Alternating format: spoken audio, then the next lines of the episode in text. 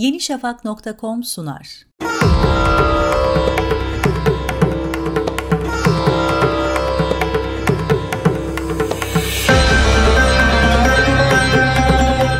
Sınır sebebiyle ihtilaf içerisinde iki ülke, Hindistan ve Bangladeş.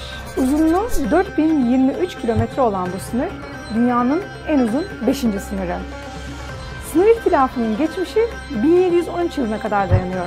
Dünyanın en kanlı sınırlarından biri olan Koch Beer, yani Hindistan-Bangladeş sınırındaki ihtilaf, İngiltere'den 1947 yılında kazanılan bağımsızlıkla da ortadan kaldırılamadı. İki ülke arasında 1974 yılında toprak takısı anlaşmasına varıldı.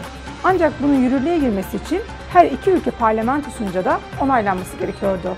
Bangladeş parlamentosunun 1974 yılında onayladığı belge bundan 40 yıl sonra 2015 Ağustos'unda Hindistan parlamentosunda anca onaylanabildi. 4000 kilometrelik sınırda yer alan ve iki ülke arasında iç içe geçen tartışmalı 162 yerleşim bölgesi sebebiyle çıkan sınır ihtilafı tam 300 yıl sonra çözüldü. Anlaşmaya göre Hindistan'a bağlı 111 yerleşim bölgesi Bangladeş'e, Bangladeş'e bağlı 51 bölgede Hindistan'a verildi. Sınır arasında yaşayan, her türlü imkan ve hizmetten yoksun binlerce kişiye vatandaş olmak istedikleri ülkeyi seçme tercihi sunuldu. Vatansız kabul edilen söz konusu kişiler eğitim ve sağlık hizmetleri gibi temel haklardan yoksundu.